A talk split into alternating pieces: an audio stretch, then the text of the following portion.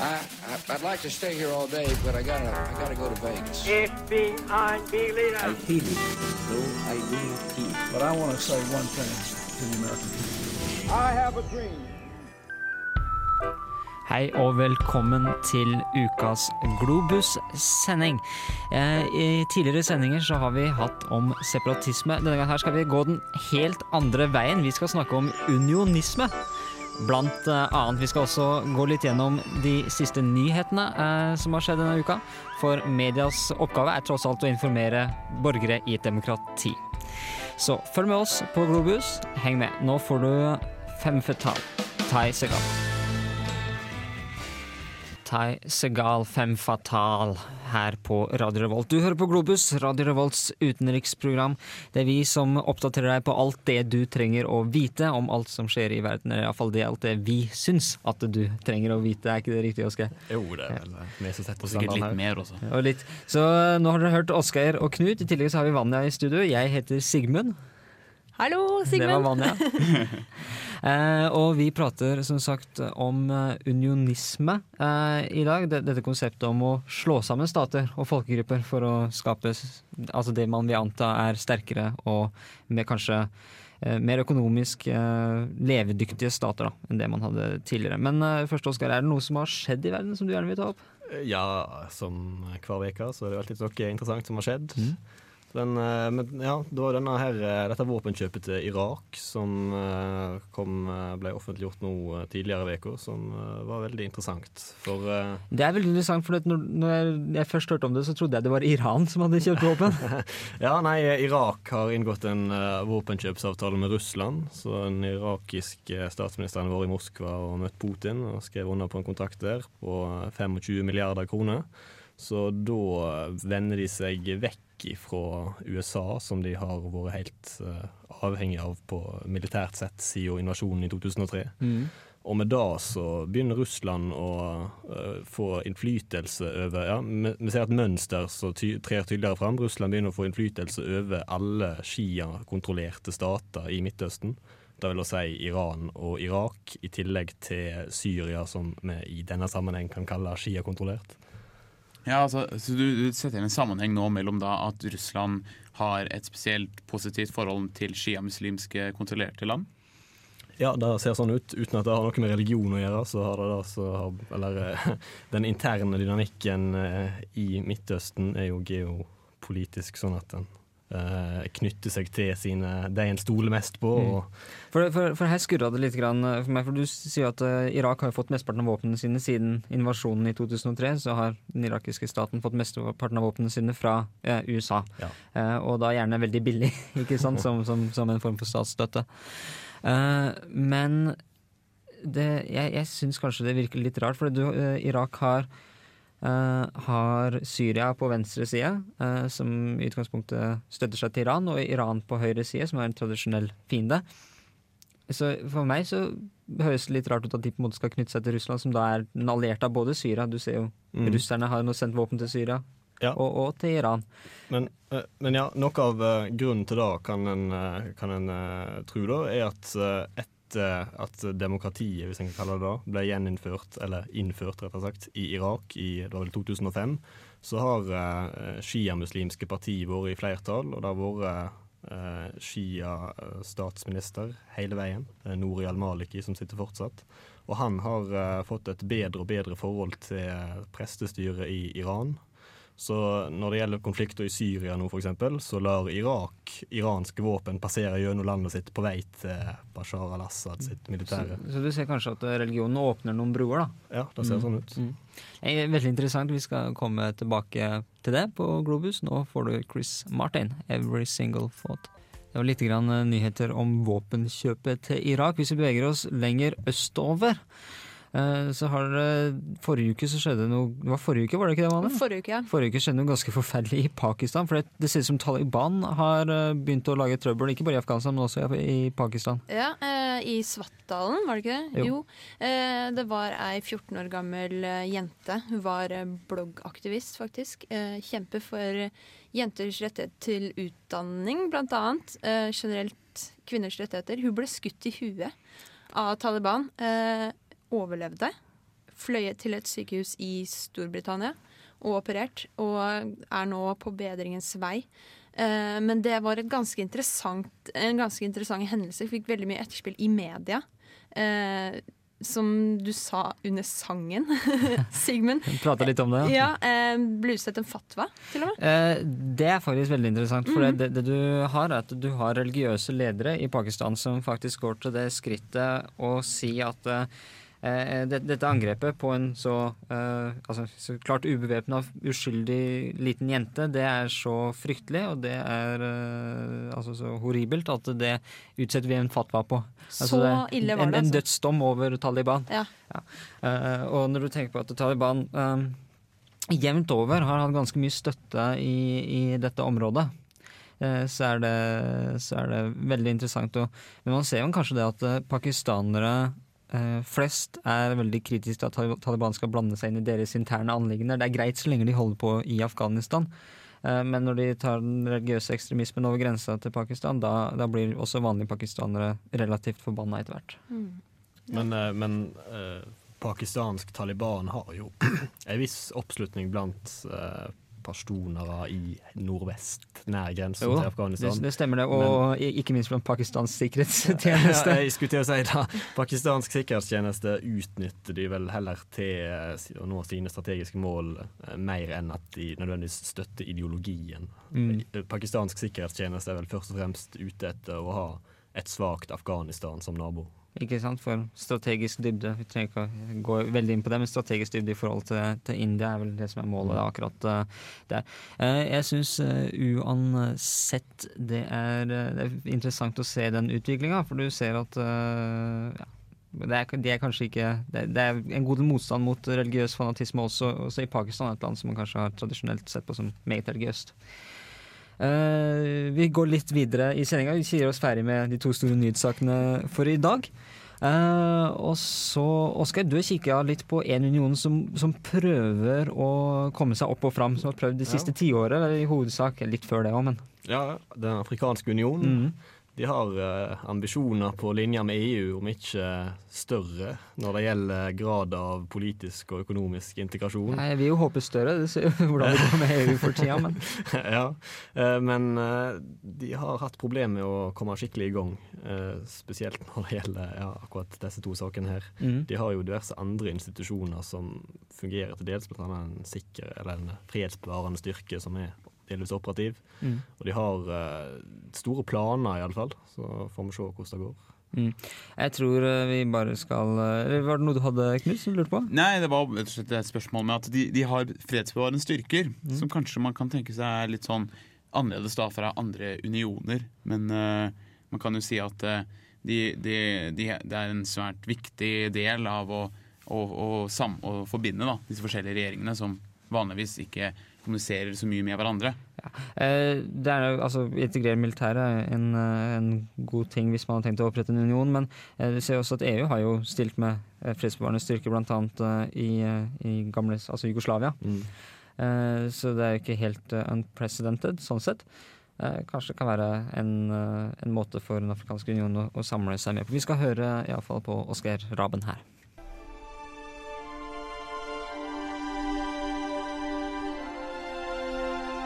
Organisasjonen for afrikansk enhet ble grunnlagt i 1963, i ei tid da mange stater nylig hadde frigjort seg fra koloniherrene sine, mens andre fortsatt ble styrte fra europeiske regjeringskontor. I den spede begynnelsen var et av hovedmålene nettopp å avkolonialisere hele kontinentet, i tillegg til å fremme solidaritet og samarbeid mellom de afrikanske landene. Noen vage formuleringer om økonomisk samarbeid og en målsetting om å bedre levestandarden til den jevne afrikaner kunne en òg finne i protokollene til organisasjonen. Om lag 40 år seinere ble afrikanske ledere samlet om at Organisasjonen for afrikansk enhet var utdatert. De gamle målsettingene om avkolonialisering var nådd, og det var nødvendig å starte et mye tettere samarbeid mellom statene dersom en skulle få virkelig framgang på det afrikanske kontinentet.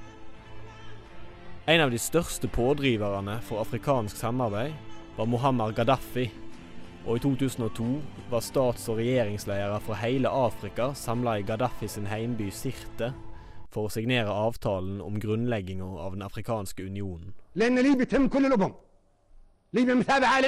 Gaddafi så for seg en afrikansk union etter samme modell som USA, helst med seg sjøl som leder.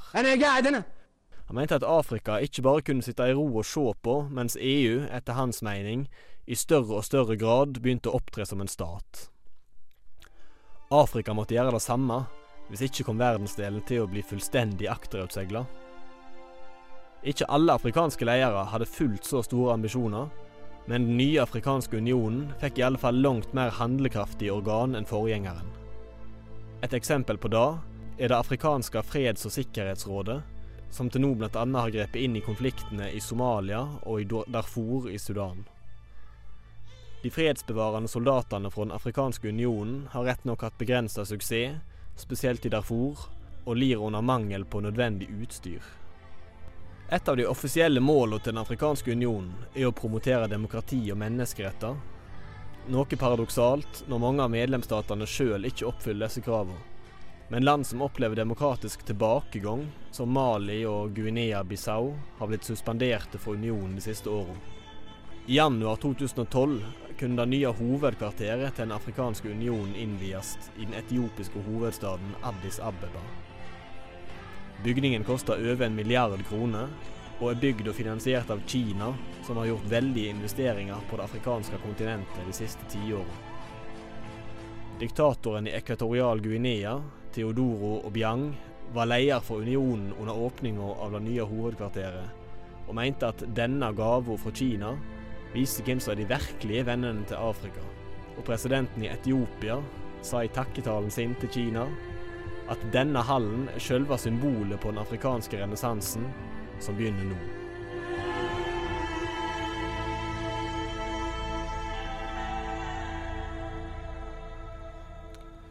Det var kineserne igjen. Jeg vet ikke hva jeg skal si, men de gir seg pokker meg ikke. Nå er det like før jeg løper og henter uh, raptoren min. Så, så. De sniker seg inn overalt? Ja, de sniker seg inn overalt, de kineserne. Ja. Eh, visste vel at kineserne eh, investerer mye i Afrika i utgangspunktet, og det er kanskje naturlig for de å ville stå på god fot med Den afrikanske unionen, iallfall, hvis, hvis dette kan bli et samarbeidsorgan eh, i tida som kommer for Afrika. Og det trengs vel kanskje? Ja, støtte utenfra trengs vel, eller eh, om støtte vil det ta et hardt i.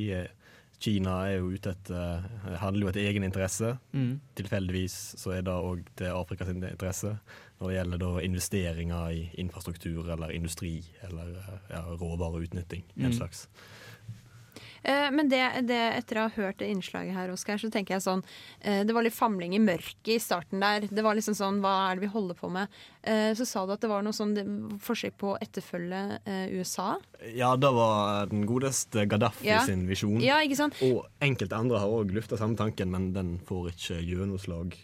Nei, men det jeg lurer på er, Veit de i det hele tatt hva de driver med, eller er det for mye innblanding utenfra? For jeg føler at hver gang man prøver på noe som har vært eh, suksess vel andre steder, og så får de ikke gjøre det på sine egne premisser, så er det på en måte dømt til å dø ut. Eh, Nei, da det forslaget var Det er Mohammed Gaddafi sin egen forvirra hjerne som har produsert. Han, eh, han hadde vel veldig lyst til å bli president, og ikke bare president, men han, han ble omkalt som kongenes konge, ble han ikke det? På noen av de møtene Jo. i Den afrikanske union. Og. Ja, han lot seg krona til kongenes konge av Afrika, men eh, ikke av noen offisielle statsledere. Oh, nei, var av uh, tradisjonelle høvdinger rundt omkring det på, var, ja. på kontinentet. Mm. Men et, ja, et par hundre småkonger rundt omkring. Men, uh, men jeg tror du har et eh, poeng jeg, når du sier at det vil være vanskelig å opprette en afrikansk union på, på linjer med USA, og også antageligvis også på linjer med, med Europa, hvor du har eh, disse veldig sterke nasjonalstatene. Eh, For i Afrika så er det jo mye mer altså klan- og Ja, det er nettopp det. Det er eh, og flytting over grenser, det er nomadbefolkning, det er som du sier stammer. Mm. Det er vanskelig å samle så stor befolkning som lever i eh, en sånn kultur, uten noen statlige på en måte, grenser. Ja, og sammen, å ha USA som en USA-modell som målsetning er jo helt eh, urealistisk. Mm. en har ja, et utall ulike kulturer, eh, språk har de ikke felles.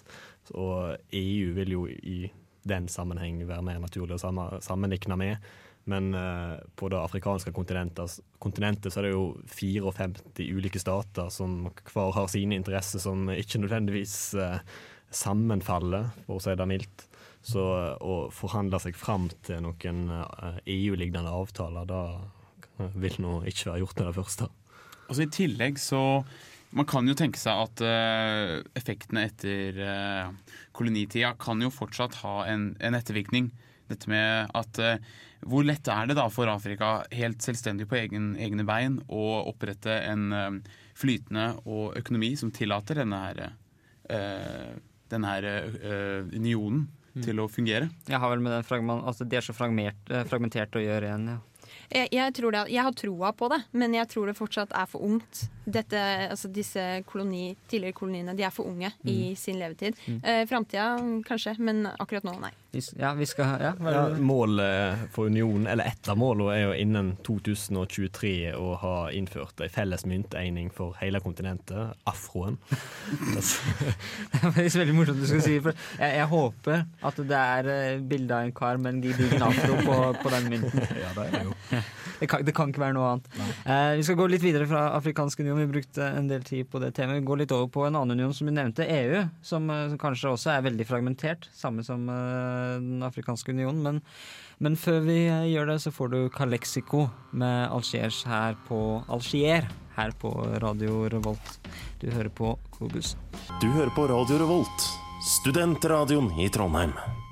Det gjør du, og vi prater om unionisme. Og da kommer vi ikke unna den store hvite elefanten i rommet, EU.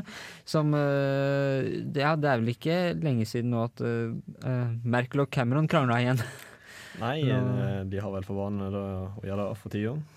Og det er, det er jo et forslag som, som ligger inne, og det der ønsket eh, som det ser ut som tyskerne har, eh, om å skulle inn at at EU eh, er vel sentralbanken kanskje som har mulighet til å vetoe eh, nasjonale budsjettet innad i EU. Det tror jeg aldri kommer til å få igjen. Men uh, kanskje det trengs uh, noe i den dur hvis en skal greie å opprettholde eurosamarbeidet. Uh, mulig at det er nødvendig med noe sånt innenfor eurosamarbeidet. Jeg hadde aldri sett at britene gikk med på det. Ikke egentlig danskene eller svenskene heller. Nei, og jeg er veldig skeptisk til franskmennene, med mindre det er de som, som mindre de har veldig mye innflytelse i det. I Storbritannia, som du snakker om, så går jo eh, EU-debatten friskere enn den har gjort eh, i senere år. Mm -hmm. Det blir jo vurdert å, holde en folkeavstemning om, om Storbritannia bør reforhandle avtalen med EU. Mm. Der, de har jo alltid stått litt på utsida. Fortsatt ganske mye misnøye mot altså det at de gikk, gikk inn i, i hva det heter, fellesmarkedet Ja. i, i sin tid. Eh, EU-samarbeidet det er jo også litt interessant, for det spinner inn på eh, altså Storbritannia, eh, The United Kingdom.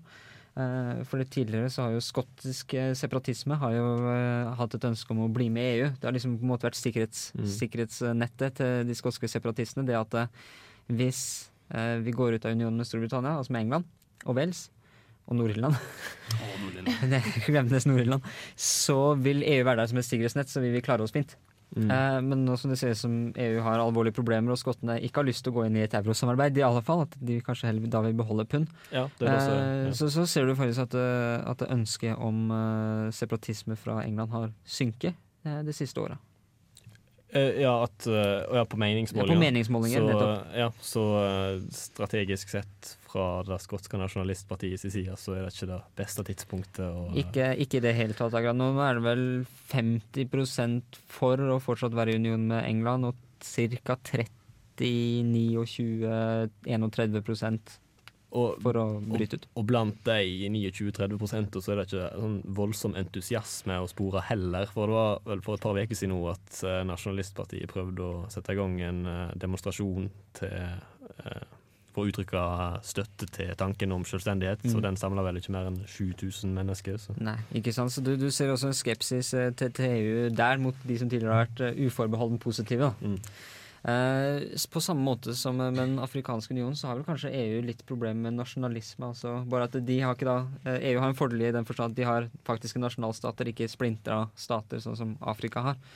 Eh, men, men du ser altså vanskeligheten med å, med å gjennomføre Altså innføre en union, da. eh, når du har masse forskjellige kulturer og folkegrupper og nasjonaliteter. Ja, med hver sin veldig sterke identitet, stort sett. De vil Ikke ikke, de vil ikke gå inn i et veldig tett samarbeid, disse nasjonalstatene. Nei. Tydeligvis. I det hele tatt. Eh, ja, jeg skulle ikke si noe, Knut. Ja, men jeg tenker at nå, er det jo en god tid til å introdusere radioteateret. Ja, For det her handler jo akkurat om det her. Jeg venta på tegn. Jeg satt der og venta på tegn. For jeg driver jo med mitt eh, aldri så lille radioteater. Eh, det er fortsatt i sin spede begynnelse. Eh, Du, du har eh, Du eh, hva er det du sier? Du prøver å, å vise verden litt sånn De forskjellige Ja. landa litt. Ja, og gjerne litt sånn framtidsrettet. Jeg prøver å spå litt om hva som skjer i framtida. Og Mm. jeg bruker da gjerne liksom metaforer og sånne ting. Eh, Det er personer som Mhm. spiller, og det er stater som prater til hverandre, rett og slett. Jeg har fått inn, Denne uken har jeg fått inn en ekstern skuespiller. Så eh, nå kommer det seg. Eh, Temaet EU, eh, som eh, selvfølgelig du sa, Knut. Eh, det som opptar meg veldig, er tre ting. Det er alle disse direktivene Mhm. EU driver og styrer med. Det er eh, Norges og andre land som står utenfor liksom, selve EU, sin mm. rolle. Hva som, hva er det de holder på med? Og så er det den tredje tingen, er det som er aktuelt nå. Det er eh, den store andelen av arbeidsledige unge i EU. 14,4 millioner.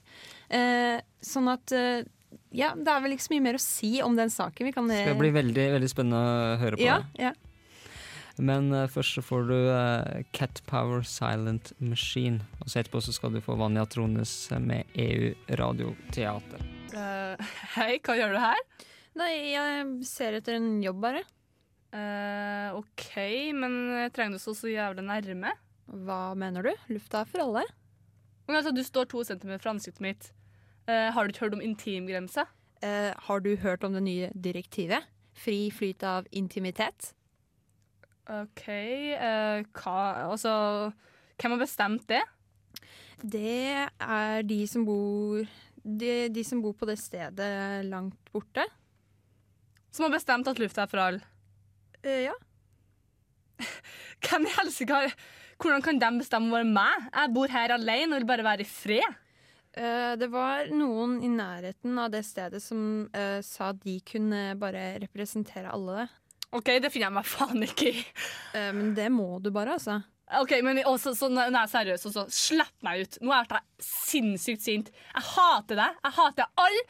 Fuck systemet. Herre, dere kan ikke komme hit og bestemme over meg. Ok, Slapp av. Bare slapp av nå. Nei, dette her er mitt rom. Du har ikke adgang her. Hei, hei. Eh, jeg vil bare si at du, du har dessverre sparken. Vi har ikke lenger penger til å lønne deg. Jeg bare så Skaff meg penger, da! Det er ikke min feil at dere ikke har penger til å lønne meg. Men det går jo utover deg, da. OK, seriøst. Slipp meg ut. ja. Slipp meg ut. Jeg vil ut nå! Hvor er utgangen? Seriøst, ikke hvor er utgangen? utgangen? Uh, Du skal så jævlig dø! Ikke, ikke, ikke! Au! Kendrick Lamar, 'Art of Peer Pressure', hørte du der på Radio Revolt. Eh, ja, Vanja, EU det ble en fryktelig voldelig på slutten. Ja, det er jo sånn som skjer da, når eh, unge, sinte, frustrerte mennesker eh, plutselig hater alt og alle rundt seg. Mm, og føler seg tvunget inn i, inn i en situasjon de kanskje ikke har hatt noe med, egentlig. Nei, ikke sant. Ikke sant? Det Eh, var jo flere ting også der inne som mm. vi kunne trekke ut. Det var eh, Det skulle symbolisere land som står utenfor. Hva slags rolle de har. Altså De blir påtvunget visse ting eller blir presset til å følge visse ting, sånn som vi ser i Norge. Du tenker Norge, Island, EØS-samarbeidet som man har? Mhm. Absolutt. Eh, direktivene som kommer på løpende bånd ut fra EU, eh, som blir presset på uskyldige folk. No, noen, av de, noen av de direktivene har jo ingen, tar ingen forståelse for spesielle situasjoner man har i Nei. land som presser på, annet postdirektivet som nå kanskje blir veto mot. ikke sant? Ikke sant? Vi kunne føre til at, eh, at eh, du ikke får så god posttilbud ute i bygdene i Nei. Norge. nei. Eh, den fjerde tingen jeg gjerne vil ta opp, er eh, uklarheten som den jenta følte. Eh, hvem er disse folka? Nei, det visste ikke hun andre heller, for å si det sånn. Eh, det var noen der nede, der borte eh, i en by, ikke sant. Eh, hvem er de? Det er eh, elitefolk som sitter der og spyr ut. For det er byråkratiet eh, i EU, ja. Ja. Det, er, eh, det er vel kanskje et, et av de problemene som vi har blitt beskyldt for å ha også, det at det er fryktelig, fryktelig udemokratisk Mm. og er styrt av byråkratene. Det er nettopp det der, og det går utover disse folka her, da, som må sitte og ta imot alt. Ta imot all driten. Ja. Eh, Knut, du har kikka på en annen form for unionisme. Ja, eh, eh, regionalisme. Regionalisme, okay. Ja. Og det er eh, med enkle ord eh, en hel region som samarbeider eh, ganske løst, men da fast for å promotere hele regionen Mm. eh, under et slags felles, eh, felles betegnelse. Da. Mm. For eksempel, det jeg hadde om er jo de karibiske øyene. Mm. Og de er en de er en hel haug med knøttsmå øyer som er helt uavhengige, og noen delvis uavhengige stater. Bitte små tidligere, litt tidligere kolonier ikke sant? som har nå fått friheten sin. Liksom flere sånn, noen har liksom bare sånn fra alt fra 1000 til 10 000 innbyggere. Mm. Og de har liksom sin egen stat og egen nasjon, og, og det er sånn ca. 20-30 øyer. Med sånn, eh, og, og problemet her er at eh, det er ikke en, det er ikke noen union som holder dem sammen, men istedenfor så prøver de å samarbeide så de, så de viser liksom hele resten av verden at vi er en viktig del av, av eh, verdensøkonomien. Mm. Men problemet er at verdensøkonomien har egentlig ignorert mesteparten av denne, dette området. Eh, vi skal få høre litt hvordan det går med de karibiske øyene. Knut Åshammer, altså, for Radio Revolt. Vi alle vet jo om noen små stater rundt om i verden. Men hvis det er ett sted der det finnes så mange bitte små småstater, så er det i Karibien. Når man tenker over det, så er det ganske påfallende. Hvordan kan så mange bitte, bitte små øyer være uavhengige stater? Hvordan kan disse småøyene ikke gå under i verdensøkonomien? En løsning kunne jo vært å være en del av en stor, altomdekkende union for eh, den karibiske regionen, i lignende grad som Afrikas union er for Afrika. Men dette har ikke hendt. Så hvorfor er det slik? Vel, eh, hvis man ser det fra et politisk syn, så er det mer forståelig. Veldig mange av disse øyene har veldig forskjellige politiske syn. De varierer fra Cuba med det kommunistiske til de britiske Commonwealth-øyene med en bredere kapitalistisk praksis. Også det er sagt, er Commonwealth-øyene en del av det britiske samveldet, og ikke den karibiske. Men livet på de karibiske øyene er ikke som for oss turister som ferierer der. De sliter like mye, om enn ikke mer, med den globale krisen. Ikke er det bedre at resten av verden har nesten mistet handelsinteressen for regionen, og dette hjelper ikke akkurat på arbeidsledigheten. Så hva har øyene gjort med problemet? Jo, de har faktisk dannet seg et par foreninger. De to viktigste er Caribbean Community, eller CARICOM, og Association of Caribbean States. Målet til begge foreningene er ikke som fullstendige unioner, dvs. Si å samslå dem under ett sentralt styresett, men heller å promotere og forsterke forholdet mellom hverandre i regionen. Ikke minst er en av hovedmålene å gjøre regionen attraktiv for resten av verden, økonomisk og for turistindustrien. I bunn og grunn ønsker de å handle mer med hverandre mellom øynene, og sammen nå ut til resten av verdensmarkedet. De ønsker å vise verden at de også har en rolle i verdensøkonomien. Og så er det selvfølgelig også selvdyrkelse i bildet. De ønsker å gjøre hverandre, men også verden, oppmerksom på den forskjellige kulturen fra hver eneste øy. Alt fra musikk, religioner til mat. Dette kan også med et annet ord kalles for regionalisme. Hele Karibien prøver sammen å styrke et felles bilde av regionen de lever i. Et felles bilde av handel, konkurranseevne og innsatsvilje. Man kan jo se fordelene og ulempene ved å generalisere en hel region med så mange forskjellige småøyer. Men det er iallfall en stor motsetning til andre forsøk på sammenkomster av stater i større unioner for en bedre økonomi, for bedre turisme og for mindre arbeidsløshet. Som eh, med Europa og EU. Mumford and Sons, engelsk folkrock-band, og låta heter Babel. Helt fantastisk å høre litt engelsk folkrock på Radio Volt eh, innimellom.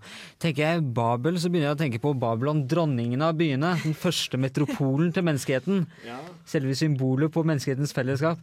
Babla og splittelse. Og splittelse, ikke minst. Det falt sammen til slutt. Det ja, jeg tenkte på Babelstårn. Som, ikke sant? Ja, så klart. Jødene som snakka om Babelstårn. Som ikke jeg snakke om.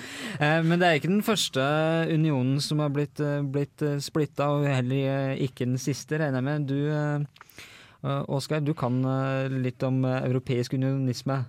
Og du, du nevnte noe i pausen. Du snakka om tysk-romerske riket. Ja, det er en del som vil si at da min, minte om eh, EU i Mm. sin form. På, i, på den måten at en hadde en frivillig, la oss si frivillig, befolkning og var selvsagt apolitiske. Mm. Men uh, iallfall de lokale fyrstene i byene i Tyskland ønskte en, eh, en felles uh, keiser som ikke hadde mye makt, men som kunne sørge for uh, at det var et felles monetært system, en felles mynteining altså, og et felles lovverk, eh, som jo eh, i, eh, i hele eh, det tysk-romerske riket, Mm. eh, som ville gjøre at eh, handel mellom de ulike bystatene ville fungere mye bedre om en skulle drive og krysse grenser og forholde seg til ulike lover støtt og stadig. Mm. Eh, for, de, for de som ikke er sånn superstødig på historie, så er også det tysk-romerske riket eh, det Tyskland som kom etter at Karl den, støde, eh, Karl den store døde, ca. rundt år 800. Ja, da og da hadde du altså et Østerrike, og altså Frankrike ble Vesterrike, og så hadde du et Østerrike og så hadde du et Midtrike, men det forsvant ganske fort. Men altså Østerrike ble det tysk-romerske riket, og da hadde du keisere som ble eh, krona av paven en periode, før, før de begynte å krangle. ja. Eh, og så har du altså det, det finurlige at du har eh, de valgte, valgte keisere. Ja. De, de eh, kurfyrstene, som Mm. de heter da, eh, i eh, bystatene, det var vel en, rundt 30 av de som hadde stemmerett til keiseren. De eh, møttes eh, om det var når keiseren døde, eller om det var med jevne mellomrom, det skal ikke jeg si for sikkert. Men uansett så samla de seg da om en mann som de syntes ikke virka for sterk. Og som de trodde likevel kunne holde orden. For de frykta jo Noe av det de frykta mest, var jo at det skulle komme en keiser som faktisk fikk reell makt over hele området. Sånn som von Rumpa i Den europeiske union. Det er kliss likt. Nettopp. Kliss likt.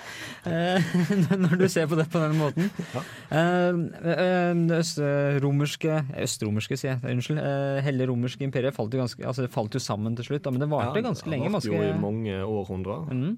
Den fant, var vel helt fram til eh, 1815, tror jeg det var. Ja, liksom. hei- ja, eh, i eh, litt annen form etter hvert, men Mm. eh, de hadde ja, et keiserrike helt fram til den, den tid, med, eh, med felles lovverk og felles myntegning, som var målet for unionen. Det er, her, det er her EU henter inspirasjon sin. De skal leve i 800 år. Ja.